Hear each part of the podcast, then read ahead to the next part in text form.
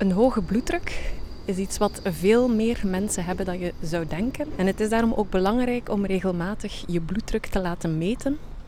En daarom heb ik vandaag een afspraak met dokter Tine de Bakker in het Universitair Ziekenhuis in Gent.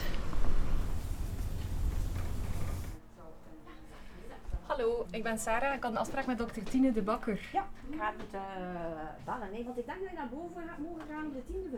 Ah ja, oké.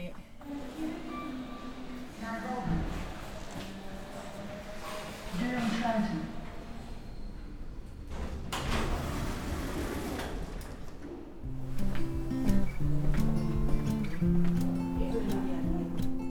Goedemorgen Sarah.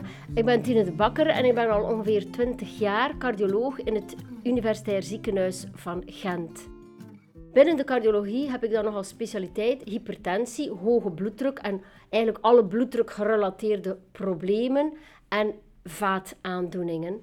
Daarnaast ben ik ook de voorzitter van het Belgisch Hypertentiecomité. Dus dat is een vereniging waarbij wij uh, wetenschappelijke meetings uh, organiseren, ook trachten info naar de leek te brengen en waarbij we ook samenwerken met andere specialiteiten en waarbij eigenlijk bloeddruk een belangrijke rol speelt.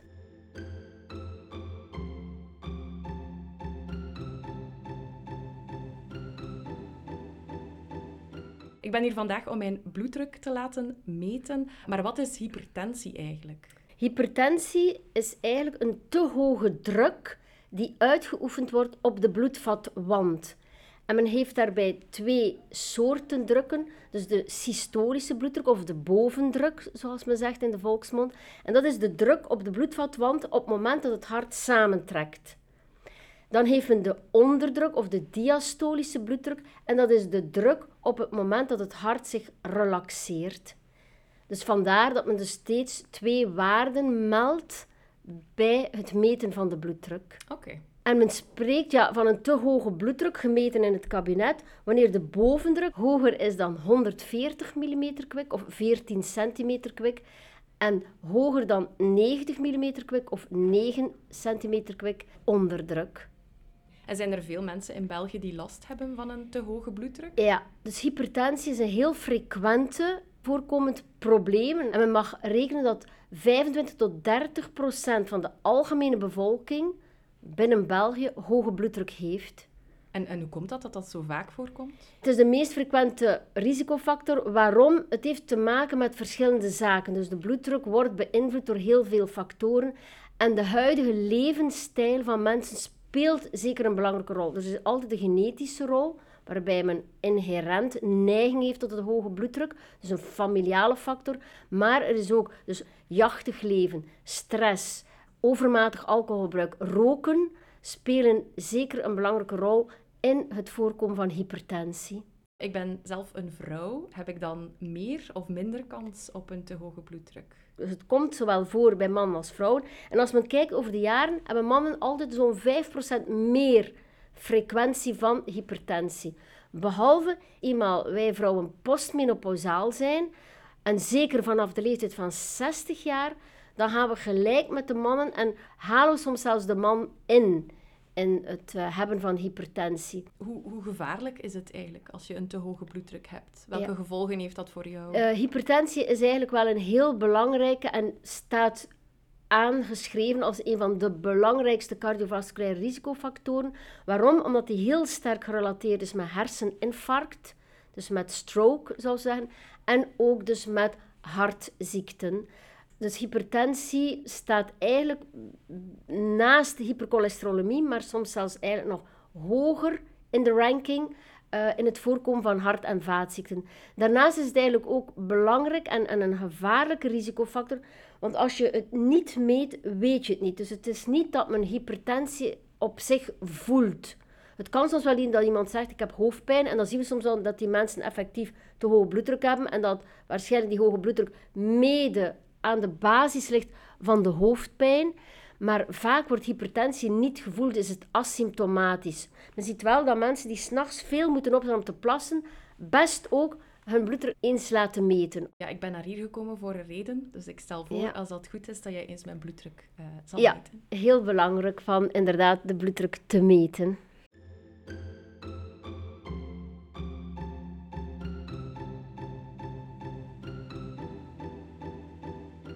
Ja. Dus breng de manchetten aan, laat maar rusten. Leg je goed? Ja. Oké, dus de meting gaat beginnen. En nu gaan we beiden niks meer zeggen. Ja.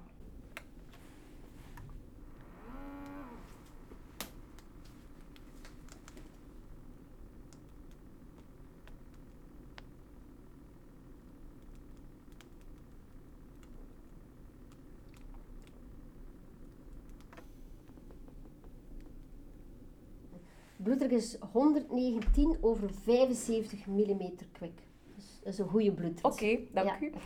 Dus meestal adviseren we, zeker de eerste keer, en zeker als het doel van de consultatie bloeddruk is, ja, dan hebben we graag twee tot drie metingen. Ga je verlossen van de manchet.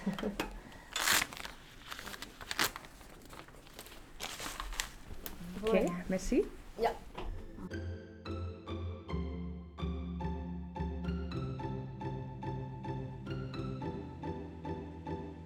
Mensen met een ongezonde levensstijl hebben meer kans op een hoge bloeddruk. Hoe kan je dan een, een hoge bloeddruk eventueel gaan vermijden? Dus een hoge bloeddruk kan je gaan vermijden door toch wel levensstijlaanpassingen. Al dan niet geassocieerd met medicatie. Wat zijn die levensstijlaanpassingen? Dus dat is in de mate van het mogelijke stress vermijden. Dat is niet zo evident, maar we raden patiënten aan om toch trachten aan die stressfactor eh, iets te doen. Ook in de voeding kan men al maatregelen toepassen, zoals het zout beperken. Men raadt aan volgens de richtlijn onder de 5 tot 6 gram zout per dag te blijven. En binnen het zout eh, gebeuren is er natuurlijk nog steeds veel discussie. En voor de ene patiënt is die zoutreductie belangrijker dan voor de andere. Omdat men zo de salt sensitivity, de zoutgevoeligheid, is wel wat persoonsgebonden. Men heeft een minimale hoeveelheid zout nodig in het leven. Sommigen zeggen dat ligt 1,5 tot 2 gram per dag heeft men nodig. Natuurlijk, zoals je kan voorstellen, iemand die bijvoorbeeld in warme omstandigheden werkt, die zweet enorm veel, die veel zout verliest, ja, die moet dan natuurlijk zijn of haar zouttekort aanvullen. Of hevige sporters, ja, je hebt een zekere hoeveelheid zout nodig voor je spieren en dergelijke. Eh, maar dat is heel individueel. Maar laat ons zeggen, hou het zoutgebruik onder de 5, 6 gram per dag. Dat is iets wat men kan doen. Dan de voeding algemeen, vezelrijke voeding. Dus bruin brood liever dan wit brood. Veel groenten en fruit, omdat daar veel kalium in zit. En kalium is ook goed voor eh bloeddrukcontrole. Eh, vette vis, omdat vette vis gezond is voor de bloedvatwand. Voor atherosclerose in het algemeen, dus een beetje tegen verstijving van de bloedvaten. Voldoende drinken, dus ook voldoende vochtinname is ook heel belangrijk. En dan voornamelijk gewoon water drinken voldoende. Eh, alcohol beperken. Dus men heeft gezien dat 1 tot 2 glazen per dag of 10 glazen per week geen kwaad kunnen, althans voor hart- en vaatziekten. Maar eenmaal men hoger en meer alcohol gaat drinken, dat dat eerder een negatieve invloed heeft, ook op hart- en vaatziekten. Is ook belangrijk. En dan roken, tabaksgebruik, eh allee, nicotinegebruik is ook geassocieerd met hart- en vaatziekten in het algemeen. En gaat dus uw risicoprofiel gaan versterken. Dus roken is men eigenlijk, zegt men ja, niet roken. Dus niet één of twee, men zegt niet roken. En voldoende bewegen. Dus dagelijks een half uur bewegen. Matige intensiteit, eh hevig, allee, een keer flink doorstappen, wandelen, zwemmen, fietsen. patiënt moet zelf zien welke activiteit hem of haar het beste ligt. Dus dat is heel belangrijk. Liefst drie tot vier keer in de week, maar als het alle dagen kan, nog beter eh, fysieke activiteit doen. Ja, maar een eenvoudige wandeling is eigenlijk ook al Ja. genoeg. Ja, Ja. Zeker, zeker, eh, eh, zeker al voldoende. Beter dat dan niks, zegt men altijd. Elke beweging is mooi meegenomen. En wat dan misschien ook aangeraden wordt, is toch ook misschien eh, een regelmatig slaappatroon. Dus toch raadt men aan om s'nachts voldoende rust te nemen. Zoals ik zei, nachtelijke hypertensie is niet goed. Natuurlijk, als je s'nachts moet werken, ja, dan is dat zo. Maar men heeft al gezien in studies dat inderdaad mensen die een beetje een omgekeerd levenspatroon hebben, eigenlijk toch wel een hoger risico hebben op lange termijn op hart- en vaatziekten. Ehm, maar als je kan een regelmatig patroon hebben, ja, raad men dus inderdaad aan om dus toch ook voldoende nachtrust eh, te respecteren en een goede nachtrust uh, trachten te onderhouden. Een BMI boven de 30 wordt ook wel geassocieerd dus met hoog risico en met hogere bloeddruk. Doe je al die levensstijlaanpassingen, maar blijf je toch hoge bloeddruk hebben, want we mogen niet alles zomaar de patiënt culpabiliseren. Er zijn effectief soms mensen die hoge bloeddruk hebben, ondanks dat ze gezond leven. En dat is een stukje familiaal gebonden, genetisch, inherent, dus polygenetisch waarschijnlijk. Het is niet dat er zo specifiek één gen, maar verschillende genen spelen een rol in de bloeddrukregeling. Lukt het niet, dan raadt men aan van medicatie. Dan gaan de huisarts of de specialist, afhankelijk bij wie de patiënt zich bevindt, gaan bij medicatie gaan voorschrijven. En er is heel goede medicatie op de markt die, als de patiënt correcte medicatie inneemt, duidelijk de bloeddruk doet dalen. En dus duidelijk ook al zo het risico op hart- en vaatziekten doet dalen. En dan is het belangrijk dat de patiënt ook therapietrouw is, dus de medicatie correct inneemt. Want als mensen zeggen, mijn bloeddruk raakt niet onder controle, ondanks al die medicatie, af en toe zit er toch een patiënt tussen die de medicatie niet neemt of niet neemt zoals het hoort en waardoor de bloeddruk onvoldoende onder controle komt. Is het ook belangrijk om regelmatig je bloeddruk te laten meten, ook als je niet tot het typische profiel behoort? Als je wel een gezonde levensstijl hebt, bijvoorbeeld, is het dan toch van belang om nu en dan eens je bloeddruk uh, te laten meten? Zeker, het is het belangrijk van nu en dan je bloeddruk te laten meten, ook al heb je niet dat specifiek gekende risicoprofiel, omdat ik, zoals ik al zei, ja, dus hebt een typisch risicoprofiel, maar er zijn ook mensen die hoge bloeddruk hebben, puur genetisch, familiaal. Ook al leven die mensen uh, gezond of hebben geen specifieke uitschietende risicofactoren of een risicogedrag. Dus vandaar dat het toch uh, de boodschap helpt meten, en ik zeg altijd correct meten is weten. Is die bloeddruk dan perfect normaal? Dan ga je zien in de richtlijn, dan zeggen die om de vijf jaar is voldoende. Bij mensen met een perfect normale bloeddruk, dus onder de 120-80. Um, wij zeggen, laat toch minstens één keer per jaar uw bloeddruk meten. Natuurlijk, de richtlijnen zijn ook gemaakt wereldwijd. Dus ook in landen waar het niet zo evident is om uw bloeddruk te meten, we moeten daar rekening mee houden. In onze landen, in het Westen en zeker in België, is het niet moeilijk. Uh, um, u kan gemakkelijk regelmatig bij de huisarts uw bloeddruk laten meten. U kan zichzelf een, een, toestel aanschaffen. Dat is niet overal in de wereld zo. Vandaar dat de richtlijnen zeggen bij een perfect normale bloeddruk minstens één keer om de vijf jaar. Maar eigenlijk zeggen zij zelf, als het kan, minstens één keer per jaar. Dat is echt een minimum, laat ons zijn. Laat toch minstens één keer per jaar uw bloeddruk meten. Bij de huisarts, dat lijkt mij evident. Uh, Maar u sprak ook van toestellen om zelf je bloeddruk uh, te meten. Hoe, hoe werkt dat en kan je daar dan op vertrouwen? Ja, dus uh, meer en meer um, hecht men belang aan de metingen buiten het kabinet. Omdat men weet dat binnen het kabinet, bij de huisarts en zeker bij de specialist, soms vaak een factor stress, on, onwennigheid meespeelt. En weet men niet altijd ja, in hoeverre is die bloeddruk hier gemeten, ook al zijn er twee of drie, dus men raadt sowieso aan twee, drie keer te meten. Maar zelfs dan, in hoeverre dat die representatief zijn voor de bloeddruk van die persoon in het dagelijkse leven. Um, daarom dat men aanraadt om daarnaast ook bloeddruk te hebben gemeten buiten het kabinet. En dat kan op twee manieren. Met een 24 uur bloeddrukmeter die aangelegd wordt in het kabinet bij de arts. De patiënt gaat daarmee naar huis, draagt die 24 uur en brengt die terug binnen. En dan hebben we een dag-nachtprofiel. Maar het kan ook eenvoudiger dat de patiënt zelf de bloeddruk thuis meet met een gevalideerd toestel. Dat is wel belangrijk. En wij geven patiënten websites uh, mee waar je kan zien of het toestel die de patiënt koopt of gekocht heeft of gaat kopen, gevalideerd is. Dus een correct toestel is. Um, soms kan het ook dat wij een huistoestel meegeven, maar niet ieder centrum heeft dat om zomaar uh, toestellen mee te geven aan de patiënt. De toestellen tegenwoordig zijn prijs-kwaliteit goed. Wij gaan natuurlijk geen enkele patiënt verplichten um, om een toestel te kopen. Dat hoeft niet. De patiënt moet daar zelf achter staan. En het moet wel een patiënt zijn die we weten, die gaat dat rustig doen, die gaat dat goed doen. Als ik merk dat een patiënt is die dat obsessief gaat gaan doen, dan raad ik het zelfs af. Dan zeg ik van, kijk, ik wil niet dat je je bloeddruk obsessief gaat meten, 20 keer op een dag.